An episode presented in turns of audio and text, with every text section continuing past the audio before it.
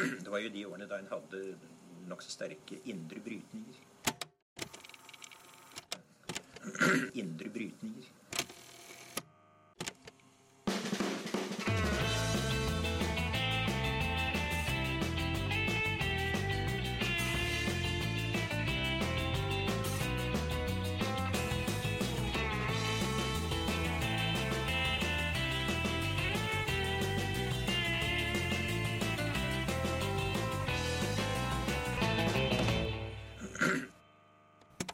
Velkommen til Noen har snakket sammen. Mitt navn er Tiril Rysdal Halvorsen.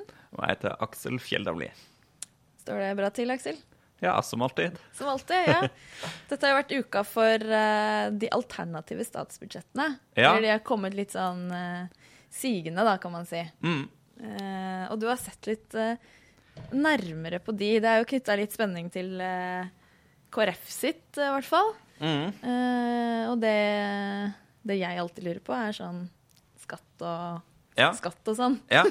Det er jo eh, Jeg håper å si i vår eh, del av landskapet så er det jo eh, fire partier som har eh, kommet med, eh, med budsjetter. Ja. Alternative budsjetter. Og jeg har sett litt spesielt på skatte- og avgiftsopplegget, som er jo liksom Partiene sjøl er fullt eh, kapabel til å skryte av eh, alt de får til med alle pengene. Men da kan det være litt interessant å se på hvordan De får penger. Eh, Hvor, hvor kommer pengene, pengene fra, da? Så eh, på en måte det overordna er jo et, et spørsmål om eh, skatte- og avgiftsnivået. Eh, og der er det jo kanskje ikke så store overraskelser i at av disse partiene så er det SV som har høyest eh, skattenivå. De vil Og det her er da før Rødt har lagt frem sitt. budsjett? det er før Rødt har lagt, lagt frem sitt budsjett, så det, de drar sikkert på litt ekstra. Men eh, SV foreslår i hvert fall å øke skattene og avgiftene med 18 milliarder eh, ca. Eh, og Ah, ja. det er jo da en god del mindre enn de skattereduksjonene som har kommet eh, under denne eh, Ja, for de har jo vært på sånn 22-3-4 milliarder. Ja, noe sånt. Mm. Men det har jo også vært over flere år, da, sånn at hvis er man riktig. 18 i ett år, så kan man jo Ja, der, der har du et poeng, da. Eh, Dette er jo bare for ett år, så det er litt Mm. Ja. vanskelig. Altså Hvis SV øker skatten med 18 milliarder fire år. år i strekk, så eh, begynner det å bli litt eh, skatteøkning, ja. Ja. Det kan, kan, man uten tvil si. Mm. Så det er jo SV kjent, kjent format, med hovedsatsing på klimakutt og ulikhet. Med eh, hoveddelen av skatteøkninga på en økning i formuesskatten på 9 milliarder. Um, og så ønsker man å beholde inntekts- og selskapsskatten på 23% der regjeringa har foreslått å senke den til 22 Og så øker man eh, CO2-avgift og eh, engangsavgift på bil. Så det er liksom Det tenker jeg er hovedbildet på, for, eh, for SV sin del. Eh, Hvis man går videre til det partiet med eh, nest høyest eh, skatt Oi, eh, la meg gjette. Ja, gjett. Det vil jeg tro det er Arbeiderpartiet. Ja, det er riktig. Det er, det er Arbeiderpartiet. Så de har eh, et, et samla skatte- og avgiftstrykk på eh, der det øker ca. 10 milliarder. Eh, og det er, Det er jo mye mindre enn det de gikk til valg på sist, da. mm, Det var 15 milliarder. Men igjen, da, så er dette på ett år. Uh, og det 15 milliarder, det var Formuleringa var noe sånt som at de skulle øke skatten inntil 15 milliarder i løpet av perioden. Okay, sånt. Så Sånn de drar egentlig ekstra på, da. ja, det er litt vanskelig å si, da. Det er jo litt, eh, litt hvem man spør, vil jeg tro. Men, men eh, de tar i hvert fall ikke de 15 milliardene nå. Men eh, det de gjør, er jo, er jo at de øker skatter og avgifter likt, da. 5 milliarder på hver. Og, Ja. og i dette 15, eh, 15 milliardpoenget de hadde i valgkampen, så sa de at avgiftene skulle øke 5 milliarder, og 10 milliarder skulle være skatteøkning. Mens okay. nå så beholder de da hele avgiftsøkninga på 5 milliarder. eh, Men kutter i skatteøkninga i forhold til det løftet. da. Ja. Sånn at det er mer på avgift og mindre på skatt enn eh, det man kanskje skulle tenke tenkt. da. Hvilke, eh, hvilke avgifter er det de øker, da? Vet du det? Eh, altså, det er mm, eh, viktigste er, eh, som SV, en økning i engangsavgiften for bil. Altså det er både, både på CO2 Man snakker om en CO2-komponent og en vektkomponent. Altså det er hvor, hvor tung bilen er, og hvor mye den slipper ut. Og så er det en, en økning i den såkalte 350 kroners Eller fjerning av den såkalte 350-kronersgrensen. Ja, så du, du må betale mer for å handle på, i, på nett? Ja, det er toll, rett og slett. Ja. Så eh, det er mindre av de avgiftene som er miljøavgifter, enn en SV sitt, eh, sitt budsjett. da. Eh, ja, så det, det kan man si er hovedbildet for, eh, for Ap. Og på skatte, eh, skatteøkninga så er det meste av det eh, formuesskatt. Altså fire av fem milliarder er formuesskatt. Ja. Um, og så eh, Senterpartiet, eh, som kanskje Kanskje for noen er litt mer overraskende hvordan de legger opp skatte- og avgiftsopplegget. Fordi de har betydelig lavere skatte- og avgiftsøkninger enn det både Arbeiderpartiet og SV har. Eh, de har eh, en netto endring i skatte og avgifter på 4,3 milliarder. Så det er under halvparten av Arbeiderpartiet sitt, og hva det blir da? Nå er ikke jeg så kjapp i hodet, men vesentlig mindre enn de 18 milliardene til SV. da. ja. Um, så um, Senterpartiet i, i den forstand plasserer seg tydelig til høyre for uh, Arbeiderpartiet, da. ja. De, men de er jo veldig imot avgifter. Mm, og det, det er også en tydelig, tydelig forskjell, da. Det er en, uh, en netto lettelse i avgiftene på nesten 1 milliard. Så, så mens, mens Arbeiderpartiet øker skattene og avgiftene omtrent like mye, så har Senterpartiet en, en lettelse i avgiftene og en økning i skatt på omtrent samme nivå som, som Ap. Altså, Hvis man går inn i budsjettet til eh, Senterpartiet og ser, så er det jo et, eh, en festival av små poster som de, som de endrer på i skatte- og avgiftsopplegget. og det, kan, det er liksom alt fra saftavgift til eh, ja, avgift for finansnæringa og diverse, som de flytter rundt på pengene. Men, men jeg Altså, de øker eller senker ikke så mye, de bare flytter på de. Altså, det er vel eh, flytting av rundt 20 milliarder med økninger og senkninger, men, men summen av det er ca. 4 milliarder. Men, men jeg tenker hovedbildet her er jo at de, de senker avgifter som eh, eh, på en måte gjør vondt for distriktene. Det, det, jeg, jeg tenker det, det er et, eh, et hovedbilde her, da. Og det, det innebærer jo også miljøavgifter, må man jo da legge til. At uh, her, her fjerner man en del miljøavgifter, og man legger ikke til noen nye miljøavgifter. Så um, det er også en, en forskjell på Senterpartiet og de to, eh, to andre, da. Eh, KrF mm, til slutt, de ligner mer på Arbeiderpartiet enn på Senterpartiet på, på dette punktet, fordi de har et, et avgiftstrykk på skatte- og avgiftstrykk som øker med ca. 9 milliarder. Så det er jo ganske likt Arbeiderpartiet sine 10. Ja, det vil jeg si. Ja. Eh, og her eh, Men man øker ikke formuesskatten, f.eks., eh, men, men tar inn gjennom trinnskatten, altså inntektsskatten, da, cirka cirka Mer 3,3 progressivt. ja, ca. 3,3 milliarder, og så er det ganske mye økning i taxfree og tobakk og, og sånn. sånn eh, ja, eh, politikk av godt KrF-merke, som der man henta inn. Um, Det skal jo godt gjøres å få gjennom sikkert 9 milliarder skatteøkning i forhandlinger med regjeringen. ja, spesielt på, eh, på taxfree og tobakk. Det, så, så det får vi se på, da. Du hadde, du hadde sett også litt på hvor mye ulike partiene gir til eh, kommunene. Det var litt uh... Ja, skal vi se. Da ser man jo f.eks. at uh, Senterpartiet gir ca. 4 milliarder til, uh, til kommunene og fylkene. Og Arbeiderpartiet uh, ca. 3 økning. Um, mens Rødt for eksempel, de har vært ute og annonsert hva det var, 8 milliarder økning til, sånt, ja. ja. til kommunene. Sånn at uh, hvis, du, uh, hvis du ønsker et parti som øker skatten mye og gir det til kommunene, så er vel uh, Rødt Rødt parti for deg. ja, nå, nå skal det sies, sies at Senterpartiet gjør på en måte endringer i avgiftsopplegget som gjør at på en måte det blir uh, Kan bli mer til kommunene på den måten. Ja, Ja. i sum, men, men, eller i hvert fall til distriktene. Ja. Eh, Så, men, men det er jo også et litt, litt morsomt poeng. Et annet litt morsomt poeng er hvis man, hvis man ser på, ser på budsjettet til KrF, så har de eh, seks hovedsatsinger inne i budsjettet. Det er da familie, skole, helse og eldre, arbeid og verdiskapning i hele landet, klima og verdens fattige og forfulgte. Ambisiøst, ja. Ambisiøst. Ja. Eh, men det som er litt morsomt, er jo at i, eh, i fjor så hadde man sju. Altså én mer enn i år.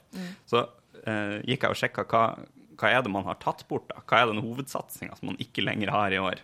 Jo, det er uh, hovedsatsinga menneskeverdstiltak mot abort og sortering. ja. Jeg trodde det var det eneste som sto igjen ja, som hovedsatsing for KrF. Men tydeligvis ikke lenger, da. Så det uh, har de, har de slutta å ha som hovedsatsing i budsjettet. de har nådd målet. Ja, OK. Erna Solberg, hører du dette? Nei, men, men dette handler vel om at uh, noen av de postene som var viktige i den hovedsatsinga, har de faktisk fått gjennomslag for uh, med denne regjeringa også. Så eh, det kan være det der det ligger. Eller at det er en glipp. Jeg vet ikke. Det høres ikke ut som det burde være en glipp, i hvert fall. Hvis man skal høre på hva de sier ellers. Uh, ja, nei, altså da, da blir det jo opp til oss andre å finne ut av hva de skal bruke disse pengene til, da. Det er jo klart at partiene på venstresida har jo økninger i ulike velferdsposter, klimatiltak og, og diverse. diverse. Um, det, det skal jo nevnes også, som er en ny ting Arbeiderpartiet har begynt med i år, som er, som er bra. Så man, man kan jo alltids eh, mene at de burde bevilga mer penger til klimatiltak og sånn, men det de gjør, er at de setter opp et, eh, et til budsjett parallelt med, eh, med det alternative budsjettet, som er et eget klimabudsjett. Sånn, de- sånn som de gjør i Oslo. ja. Ja. eh, Så, så der eh, står det på en måte hva de skal kutte, og, altså en systematisk oversikt. Mm. Så eh, har de jo også klima som en, en hovedsatsing da, i, i budsjettet. Nye takter, tror jeg Jonas Gahr Støre kalte det. Mm. Tusen takk, eh, Aksel. Det var uh, veldig fint med en sånn uh, grov oversikt over dette. Budsjettet er ikke så tørre som det enkelte skal ha det til. Det ryktet er betydelig overdrevet. Mye, mye gøy, mye snacks. Ja. Nei, men uh, vi skal bevege oss litt uh, ut av Norge og nedover i Europa til Frankrike, for vi får besøk av uh, journalist og forfatter Ingrid Grenli Aam fra Morgenbladet, som har skrevet en bok om fransk venstresides sides forhold til EU. Mm.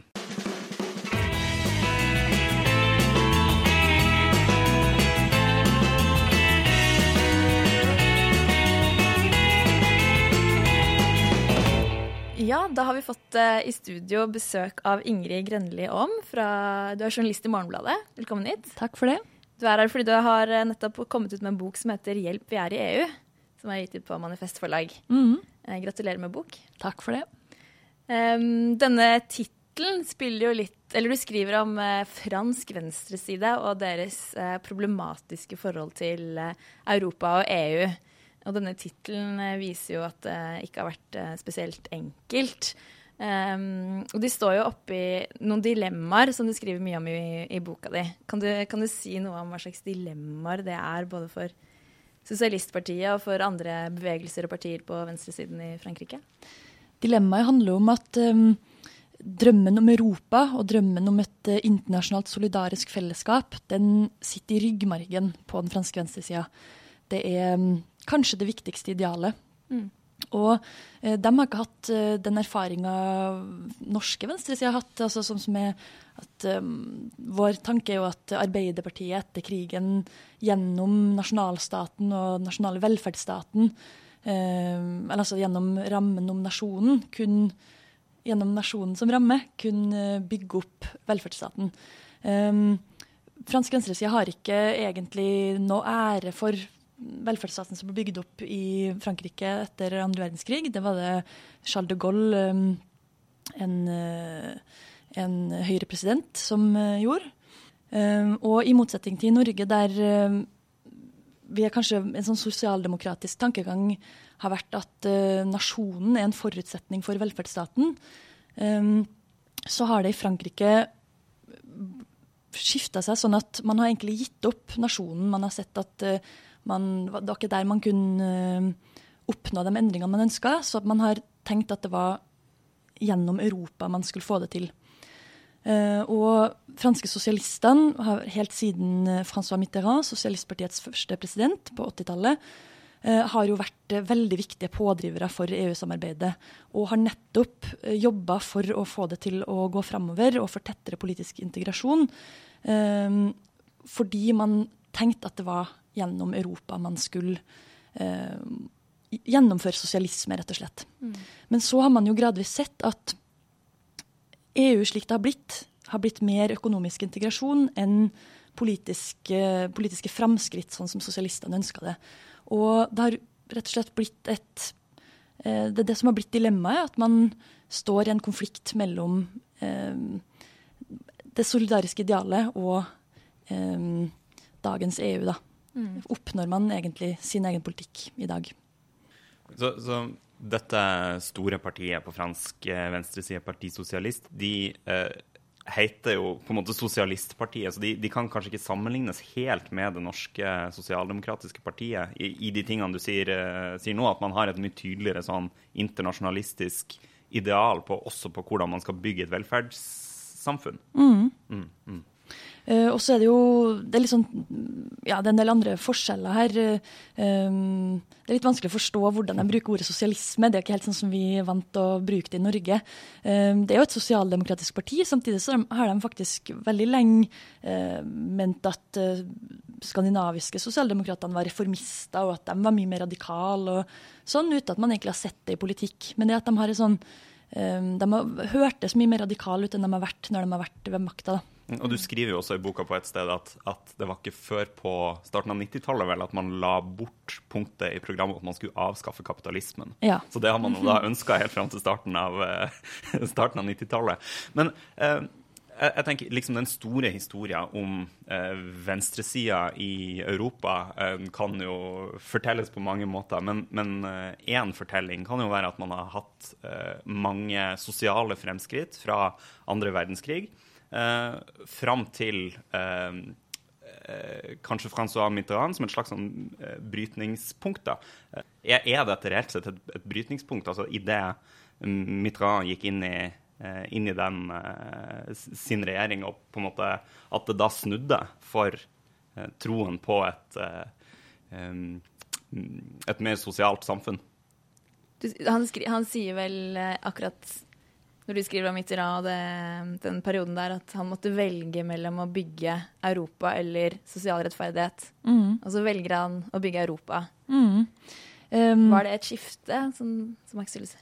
Man kan si at Mitterrand sto for at uh, det som hadde vært litt intern uh, skepsis til uh, det europeiske prosjektet i Sosialistpartiet Det hadde ikke vært veldig uttalt, men det var liksom litt murring om går det her riktig vei, har vi de riktige verktøyene for å oppnå det vi ønsker. det klarte han å begrave.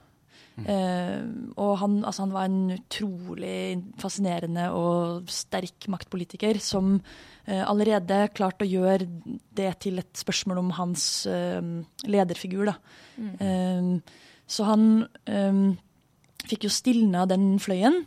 I tillegg til at han uten tvil valgte Europa. Det var det viktigste for han. Mm. Men hva har vært i liksom, altså fra eh, 80-tallet og fram til, eh, fram til, i dag? Hva har liksom vært de vanskelige tingene for Eh, for venstresida i, i, Frankrike å akseptere av det som har kommet fra, fra EU og liksom deler av den europeiske integrasjonen? Hva har liksom gjort mest vondt? Vi kan jo spole eh, helt fram til Holland, da. Mm. Eh, han eh, gikk jo til valg på et eh, nokså radikalt program. Eh, og skulle jo også reformere EU og skulle reforhandle den finanspakten som kalles, som Sarkozy hadde signert eh, et halvt år før. Um, men ga jo fort opp begge deler. Uh, og så var det jo selvfølgelig en vanskelig, en vanskelig mm, kontekst her, som var finanskrisa. Økonomien gikk dårlig. Frankrike har hatt skyhøy arbeidsledighet i flere tiår.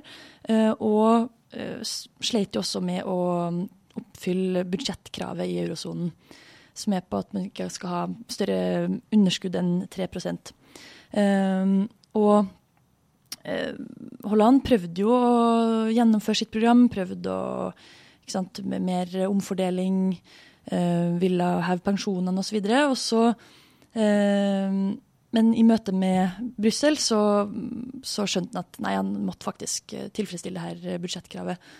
Eh, og det som har kommet fra mm, EU-kommisjonen, er jo anbefalinger mm. som har gått på um, kutt i pensjonene, det har gått på å reformere arbeidslivslovgivninga.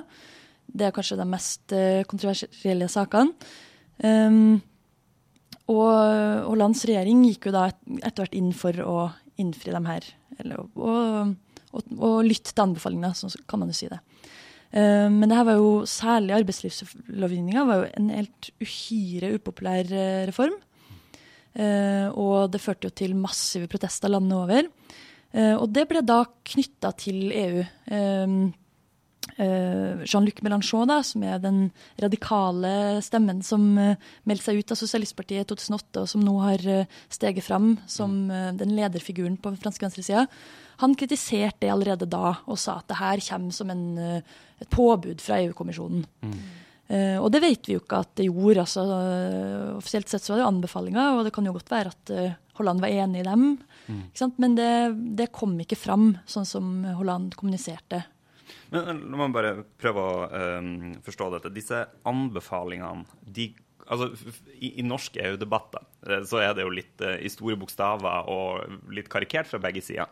Uh, og uh, det er litt vanskelig noen gang å få helt klarhet i hvorvidt det er um, hvorvidt det er euroen man altså I Norge er jo ikke det like mye et problem, men, men det, det, kan være litt vanskelig å forstå om det er euroen man kritiserer når man er mot EU, eller om det er EU man kritiserer, eller om det er en liksom, generell globalisering som man knytter sammen med EU. Eh, er disse eh, påleggene da, som eventuelt kom, kom de fordi at Frankrike var med i euroen, eller var det generelt som et EU-medlem at man uh, fikk de? Akkurat det her kom fordi man uh, sto i fare for å bryte budsjettkravet. Mm. Fordi man er medlem av euroen. Da. Ja, ok. Mm. Um, og her er det jo også en altså man kan jo ikke, Jeg vet ikke om det er pålegg. Nei. Det tror jeg ikke. altså det Offisielt sett så er det anbefalinger.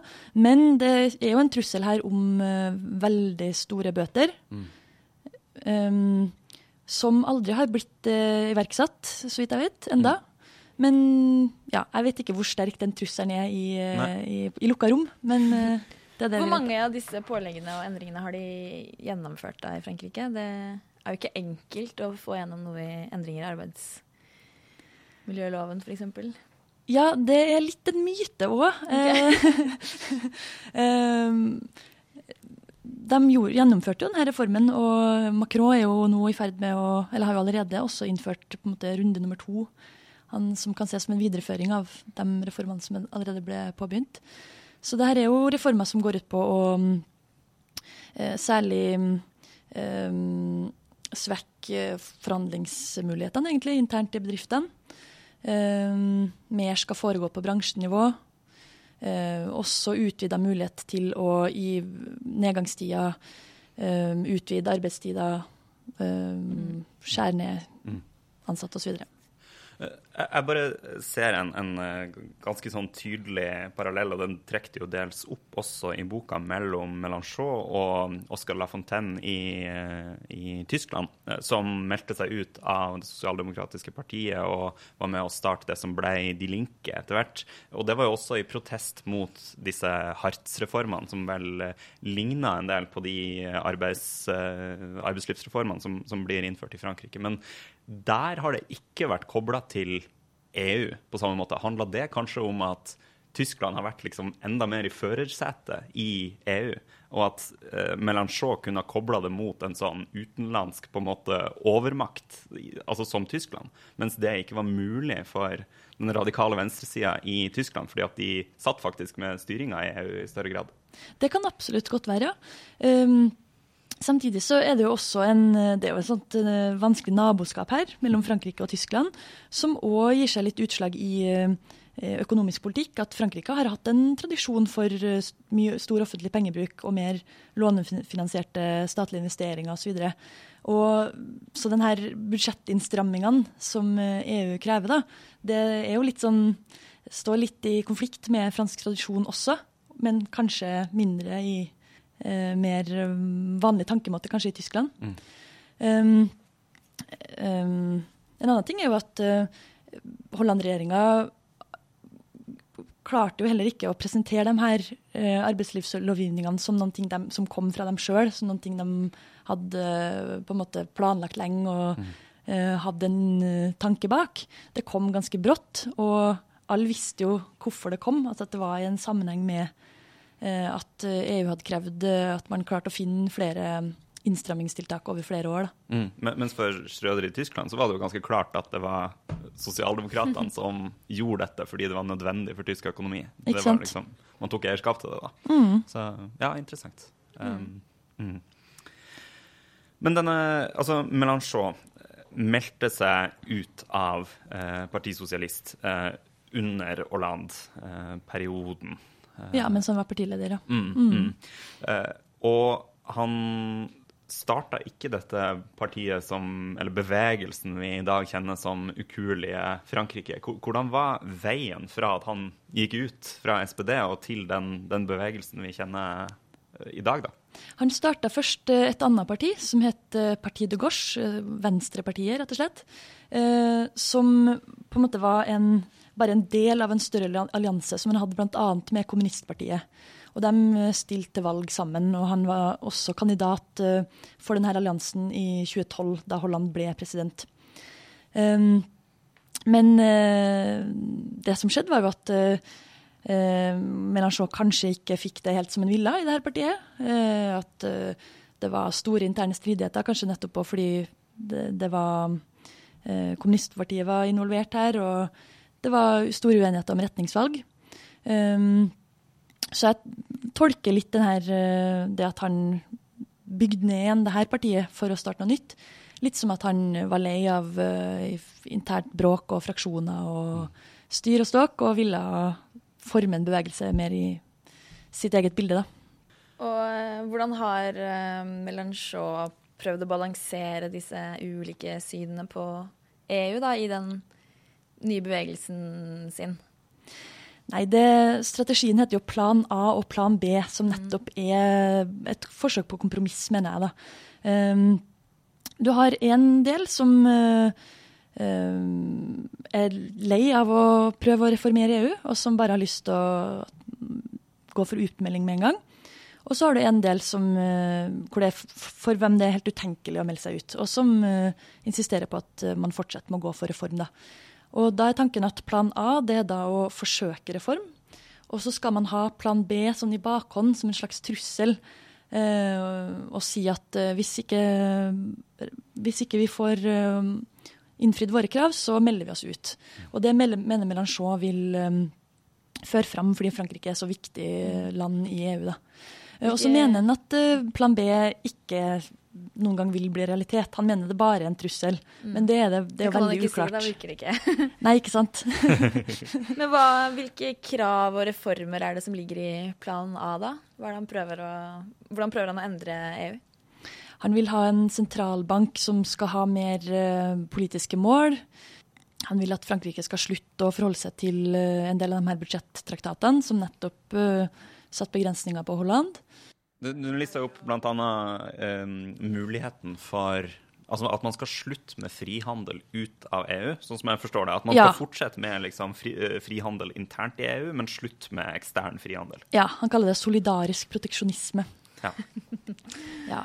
Er det noe eh, realisme i å få til noen av disse kravene, tror du, hvis han blir president en gang? Han er jo avhengig av uh, i det minste flertall blant sine europeiske partnere. da. Um, at det er andre radikale venstrepartier som sitter ved makta. Mm. Det er jo et første blant, blant annet, krav, i alle fall. Dag Seierstad eh, i sin, sin, bok om eh, europeisk arbeidslivspolitikk, han, han, trekker jo frem det som liksom argumentet for hvorfor det er vanskelig eh, å liksom forandre Europa grunnleggende. Fordi at det må vedtas av eh, statslederne i, eh, i, Europa, og de er ganske blå. Sånn at Altså fra et Dag Seierstad er jo europarådgiver i SV. Mm. Vel, så, så, fra et sånt ståsted så vil det jo være vanskelig da, å få til et mm. sånn Melanchon-program, fordi at det må vedtas av av eh, Altså traktatene må endres av statslederne i, i EU, da. Mm. Så, men likevel så ser vi jo at EU satser mer på det de kaller den sosiale pilaren. I hvert fall trekkes den frem av en del eh, folk. Hvor, hvor mye er det egentlig som har skjedd i EU allerede på de områdene? Um, nei, det er jo flere rettigheter i arbeidslivet. Eh, til, også til likestilling, f.eks. Og ja, den sosiale pilaren man kan jo se det som et uttrykk for at uh, det her er et felt man ønsker å satse på. Men det har jo likevel vist seg vanskelig å, å bli enig om store felles grep som faktisk harmoniserer f.eks. skattenivå, uh, arbeidsmarkedspolitikk og andre velferdsytelser. Uh, som kanskje, som iallfall er det som den, frans den franske venstresida har ønska seg. da. Mm. Mm. Og det interessante er jo at det er jo gjerne land som skandinaviske landene som har vært mest framtredende i, i sosial politikk, som står imot harmonisering nettopp fordi man har oppnådd en del ting sjøl. Mm. Og er redd for å miste det man, eh, det man har. Ja. Det er jo ikke bare Mélenchon, som er si, en, en uh, figur på den franske venstresida, som har vært det de siste par årene. Det er jo også uh, Parti Sosialist sin egen presidentkandidat, som vel krasjlanda på 6 i, i, i, valget, som jo sto i det samme slags dilemma som du, som du beskriver, men gikk for en, en, ei europalinje uten denne plan B, mm. og i tillegg da vel la en hovedvekt på å ha et sånn europarlament, altså mer politisk styring for, uh, for euroen. Ja. Mm. Mm. Men, men uh, var det pga. disse forskjellene i europapolitikken at det gikk så mye dårligere med Amon enn med Melanchon, eller? Det er et godt spørsmål, men uh, nei, det tror jeg kanskje ikke. Um, det var nok mer andre faktorer rundt Sosialistpartiet. At mm. folk var utrolig skuffa over Holland. Eh, og sånn sett så kan man jo se, at, se det som at uh, da ville de ha et mer De som stemte til venstre for Sosialistpartiet i stedet, da, de ville ha et mer radikalt alternativ. Og mm. da klarte ikke han å, å bryte nok med fortida, så å si. da. Og så er det viktig å, å, få med at Macron tok jo halvparten av Hollands velgere fra 2012. Det var veldig mange som trodde at han eh, hadde elementer av venstresidepolitikk også. For Amo er jo også ganske radikal, altså sammenligna med f.eks. Uh, Arbeiderpartiet i Norge. Da. Altså, han har jo sånn som Janis Varoufakis som si, støttespillere for sitt uh, prosjekt. Da. Så, mm. uh, og så Regnesen han, han mista jo støtte fra deler av partiet også i løpet av, av valgkampen. Så han var nok regna for å være for radikal nesten for sitt eget parti. Og da kan man jo se det som at um, altså, hvis du først var lei av det partiet, så ville du kanskje ha et helt annet alternativ. Mm. Og hvis du var mer, mer på linje med sånn tradisjonell uh, sosialistisk, politikk, så var det mer naturlig å gå til Macron. Mm. Mm. Så han eh, falt litt mellom begge stoler her, da. Mm. Hvis vi, hvis vi, skal se litt inn i krystallkula mot, uh, mot slutten, da. Hvis vi mm. setter opp liksom, de to mest radikale utfallene, som er eh, Frexit som, som eh, et, eh, et, alternativ, eh, og en, en tydelig eh, økt sosial integrasjon av EU som et annet alternativ. Hvor, hvordan ser du utsiktene for disse to, eller en mellomvei, eller ja, hvor, hvor, hvor, går det videre? Jeg tror vel det er mer sannsynlig at det fortsetter som nå. Ja. uh, altså, og jeg syns jo litt problemet at altså, hvis man uh, For f.eks. Sosialistpartiet, som fortsatt ønsker å være i EU, og som fortsatt snakker om det sosiale Europa, uh, syns jeg jo problemet er at de er veldig lite konkret på, på realismen her. Altså, hva er det egentlig hva er de helt konkret vil oppnå, og hvordan? Mm. Hvordan skal de oppnå noe nå som ikke har kommet de siste 30 årene? da? Mm. Um, For de har jo snakka på samme måte siden 80-tallet. Det er akkurat det. Um, sånn at noe må jo skje uh, på et eller annet vis hvis man skal ha noe framskritt på det området. Uh, der uh, går det jo ikke fort nok mm. for veldig mange. mm. Mm. mm. Så hvis norsk venstreside, da, som denne uka f.eks. fikk et sånn EØS- vedtak i Fellesforbundet om at man ønsket å melde seg ut av EØS-avtalen, at man kan uh, se noen lignende dilemmaer her. Hva er det man kan lære av uh, fransk venstreside, hvis man uh, Du var litt inne på det når du sier at man kanskje skal være litt ærligere og tydeligere i hvordan man snakker om EU? Ja, absolutt, og det syns jeg både ja- og nei-sida kan lære av. Det er interessant nå at jeg så nettopp at svenske Venstrepartiet har akkurat uh, gått inn for å um, bryte med sin egen linje, som har vært å, så De har vært for EU-utmelding. Og så gikk uh, lederen Jonas Sjøstedt nylig ut og sa at nei, den, det legger vi dødt.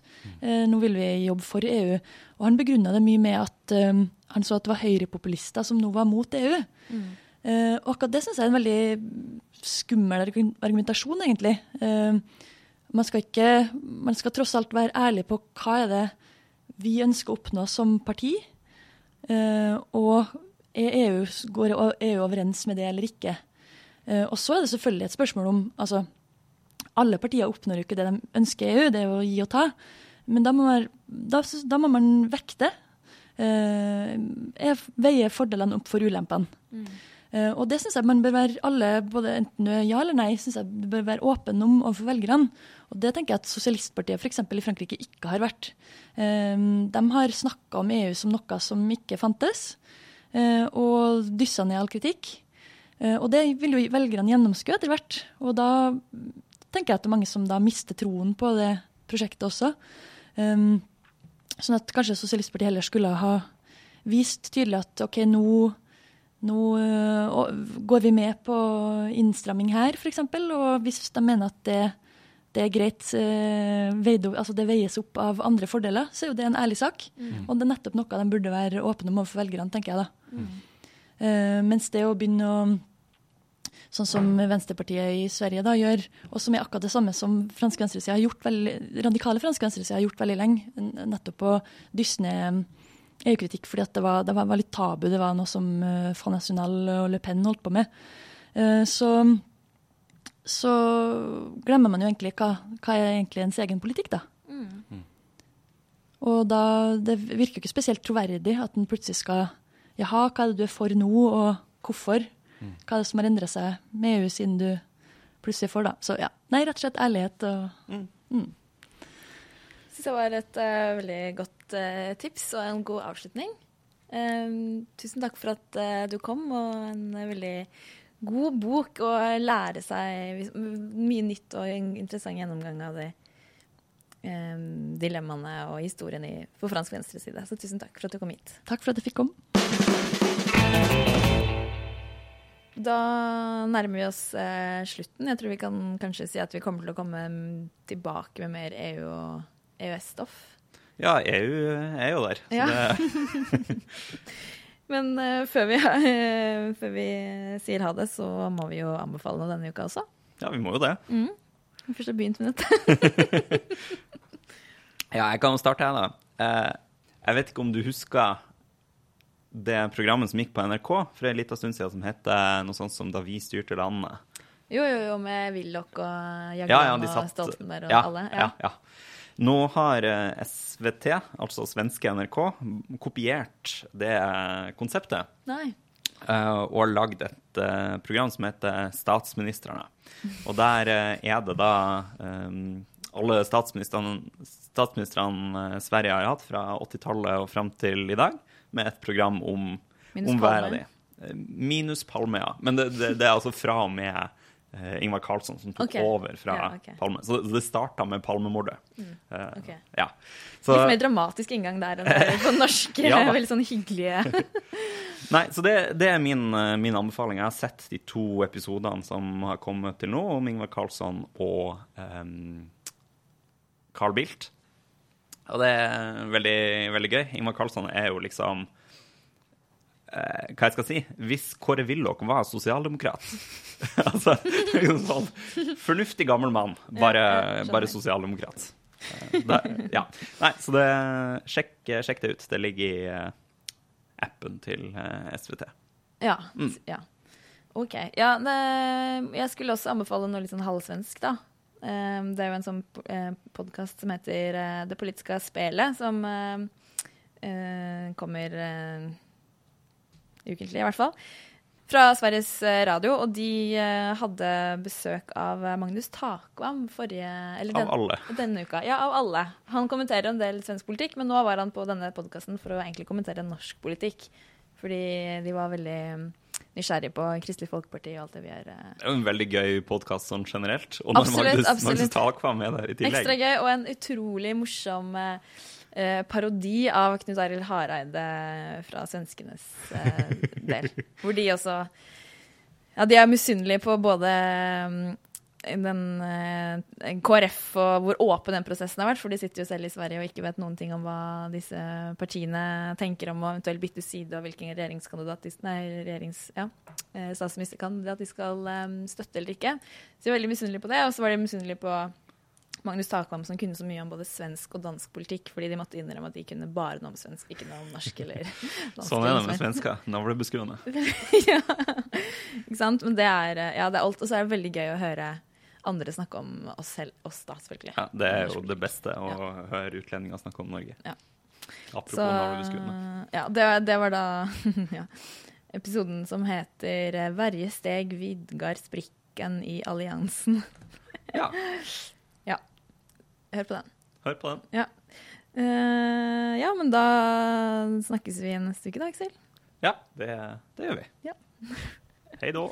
Hei da.